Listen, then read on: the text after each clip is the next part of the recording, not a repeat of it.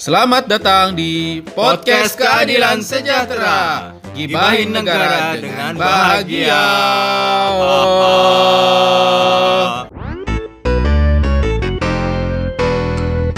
Assalamualaikum warahmatullahi wabarakatuh. Apa kabar teman-teman semua? Nah, saya hari ini akan mau menyampaikan beberapa berita PKS yang sedang hangat-hangatnya, sehangat bungkus martabak yang baru disajikan. Nah, ini ada berita fraksi PKS DPR RI menolak penghapusan sertifikat halal yang ya, ada di dalam rancangan undang-undang Cipta Lapangan Karya yang bersifat omnibus law. Apa itu omnibus law?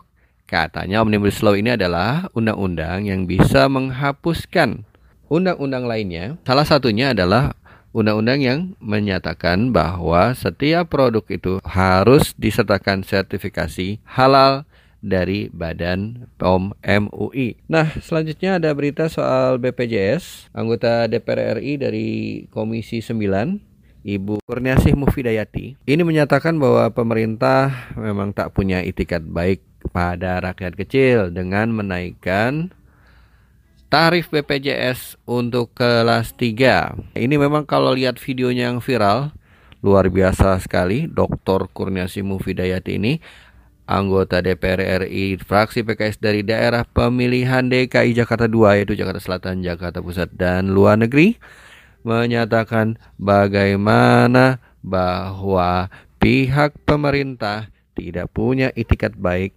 untuk membantu rakyat kecil. Padahal rakyat kecil sudah susah.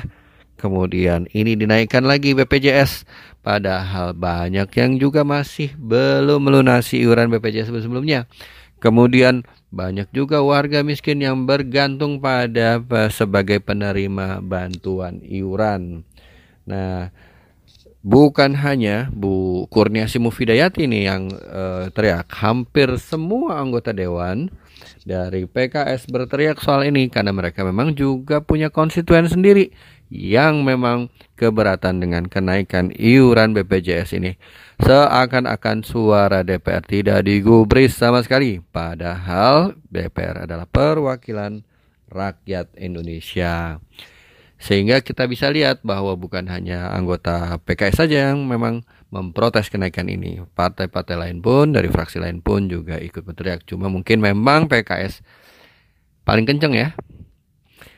Selanjutnya kita bisa lihat bahwa ini juga disuarakan oleh Ibu Anis Biarwati, Dr. Anis Biarwati. Eh, kemudian Ibu Neti eh, Prasetyani Nah, tiga anggota dewan yang saya sebut tadi itu doktor loh, doktor. Doktor itu S3 ya. Uh, kalau S1 tuh 4 tahun, kemudian S2 rata-rata 2 tahun, ya ada yang lebih-lebih dikit. Kemudian kalau doktor itu berapa ya? 4 tahun. Uh, lama loh ini pada belajar. Ibu Neti, Ibu Anis, Ibu Fida, tiga-tiganya doktor, mereka menyuarakan juga hal yang sama yaitu bahwa iuran BPJS naikkan iuran BPJS ini tidak pada tempatnya. Udah gitu juga tidak ada solusi juga sampai sekarang dari pemerintah selain cuma menaikkan.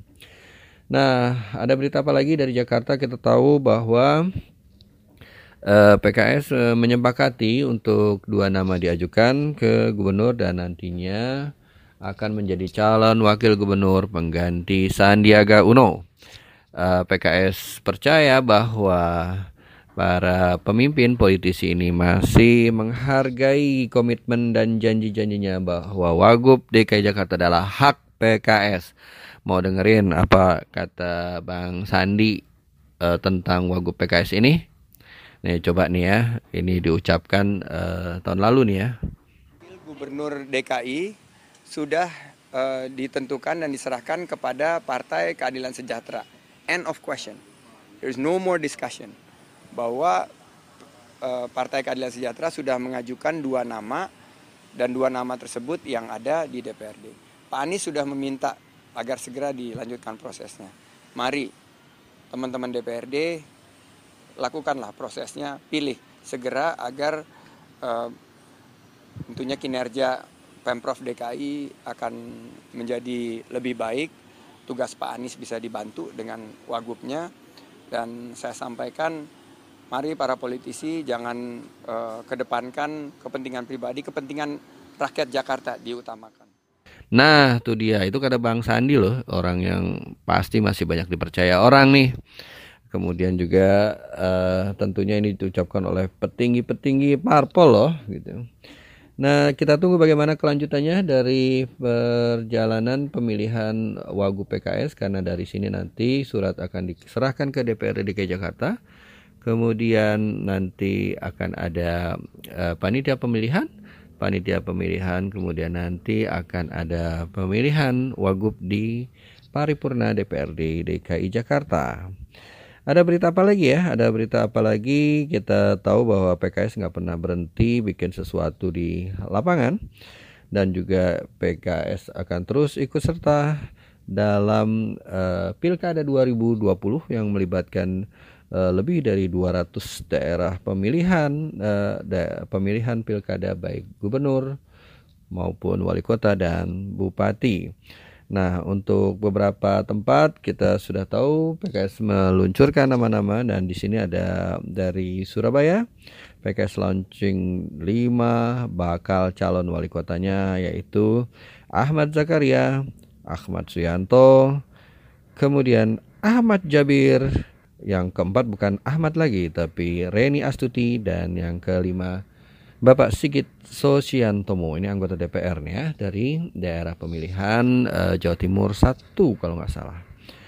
Ada berita apa lagi? Kita bisa bergerak sebenarnya kalau banyak kita lihat daerah nih ya. Oh ini yang cukup fenomenal nih di dari DPRD Sumatera Barat. Ada anggota DPRD Sumatera Barat dari PKS bernama Muhammad Ridwan membagikan gaji 42 juta per bulan untuk anak yatim ini sebagai janji bahwa dia akan menyerahkan gajinya 100% kepada masyarakat dan dalam hal ini uh, dibagikan kepada anak yatim. Suatu yang patut dicontoh. Kemudian kita tahu nih berita-berita tentang uh, apa posko banjir kita di berbagai daerah posko bencana lah ya. Karena memang banjir ini juga menyebabkan bencana-bencana yang lain seperti longsor ya, di uh, apa Bogor kemudian di Lebak ya, sampai saat ini posko bantuan uh, banjir di Lebak masih terus bergerak. Nggak tanggung-tanggung. Ketua Umum DPW PKS Banten memimpin langsung koordinasi bantuan dari PKS untuk masyarakat di uh, Lebak sebagai korban dari banjir dan juga uh, longsor yaitu Mas Sanuji. Nah, itulah ketua umum DPW PKS Banten. Uh, kita lihat kabar-kabar berikutnya. Uh, nanti oh ini ada kemah bakti Nusantara PKS Bandung dan Cimahi yang diselenggarakan di Kiara Payung, Kabupaten Bandung. Ya, tempatnya memang enak buat uh, berkemah ya. Dan memang setiap kader PKS uh, eh, perlu mengikuti acara uh, kemah Bakti Nusantara ini di mana mereka berkumpul dan kemudian uh, menentukan titik-titik untuk uh, apa tuh kerja bakti ya. Kan ada bakti-baktinya ya kerja bakti atau mungkin memberikan bantuan kepada masyarakat selain tentunya berolahraga. Ini adalah bagian dari kegiatan kaderisasi pengkaderan uh, anggota Partai Keadilan Sejahtera. Nah, ini ada uh, berita dari Karimun.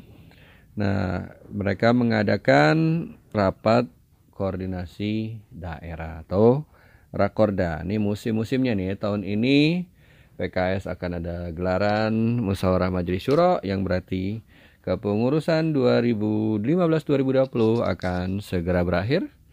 Uh, kita tunggu saja karena di dalam uh, tradisi PKS atau aturan anggaran dasar anggaran rumah tangganya bahwa eh, pemimpin-pemimpin itu dipilih oleh majelis syuro yang dipilih oleh kader juga melalui yang namanya pemilihan raya Pemilihan raya kapan? Kita tunggu ya kabarnya. Nanti mungkin kita perlu wawancara khusus dengan ketua panitia pemilihan raya di yang ditunjuk oleh Dewan uh, Pimpinan tingkat pusat. Uh, nah, se sementara ini kita lihat bahwa kemarin hari Senin PKS ngadain acara ngopi bareng. Nah, ngopi bareng ini menarik banget karena juga disiarkan secara live di akun Facebook dan YouTube PKS. Karena juga tamunya istimewa nih. Tamu yang datang adalah mantan Menteri eh, Kelautan yaitu Ibu Susi Pujiastuti yang terkenal dengan kata-katanya tenggelamkan. Nah, beliau datang loh, datang ke kantor DPDP PKS di TBC Pantupang, ya, disebut MD Building ya gedungnya. Nah, beliau bicara tentang bahwa masalah Natuna ya, sengketa Natuna ini uh, kalau buat PKS uh, mempertahankan Natuna dan menjaga marwah uh, bangsa dengan menjaga kedaulatan Natuna itu adalah harga hidup. Ya, jangan mati dong. Kalau mati nggak bisa mempertahankan kan. Dan PKS ini sangat ini ya gencar ya meminta agar uh, pemerintah memprotes secara keras dan juga melawan kalau ada eh, kapal-kapal uh, asing uh, dari negara mana pun yang masuk ke wilayah atau mengambil kekayaan alam di sekitar kepulauan Natuna yang merupakan hak dari negara kesatuan Republik Indonesia gitu. Jadi salah satu sisi kalau uh, menurut Presiden uh, PKS Muhammad Sulaiman ini masalah harga diri kita sebagai bangsa. Nah, sementara yang kedua adalah uh, jangka panjang ini supaya nanti bisa menghadapi ya setiap pelanggaran kita jangan sampai uh, kekayaan alam kita yang berupa ikan atau lainnya yang lebih banyak lagi itu dicuri oleh pihak-pihak asing. Nah, ini acara ramai sekali selain uh, Bu Susi dan Presiden PKS sendiri Muhammad Sobiliman juga hadir sebagai pembicara itu Bapak Sukamta anggota Komisi 1 DPR RI dia uh, beliau adalah uh, anggota DPR dari daerah pemilihan daerah, daerah istimewa Yogyakarta. Oke, rekan-rekan sekalian, bro and sis untuk sementara ini dulu berita yang bisa saya sampaikan. Eh, sampai ketemu pada kesempatan berikutnya di podcast berikutnya. Saya Dedi Supriyadi, Wakil Ketua Bidang Humas DPP PKS. Assalamualaikum warahmatullahi wabarakatuh.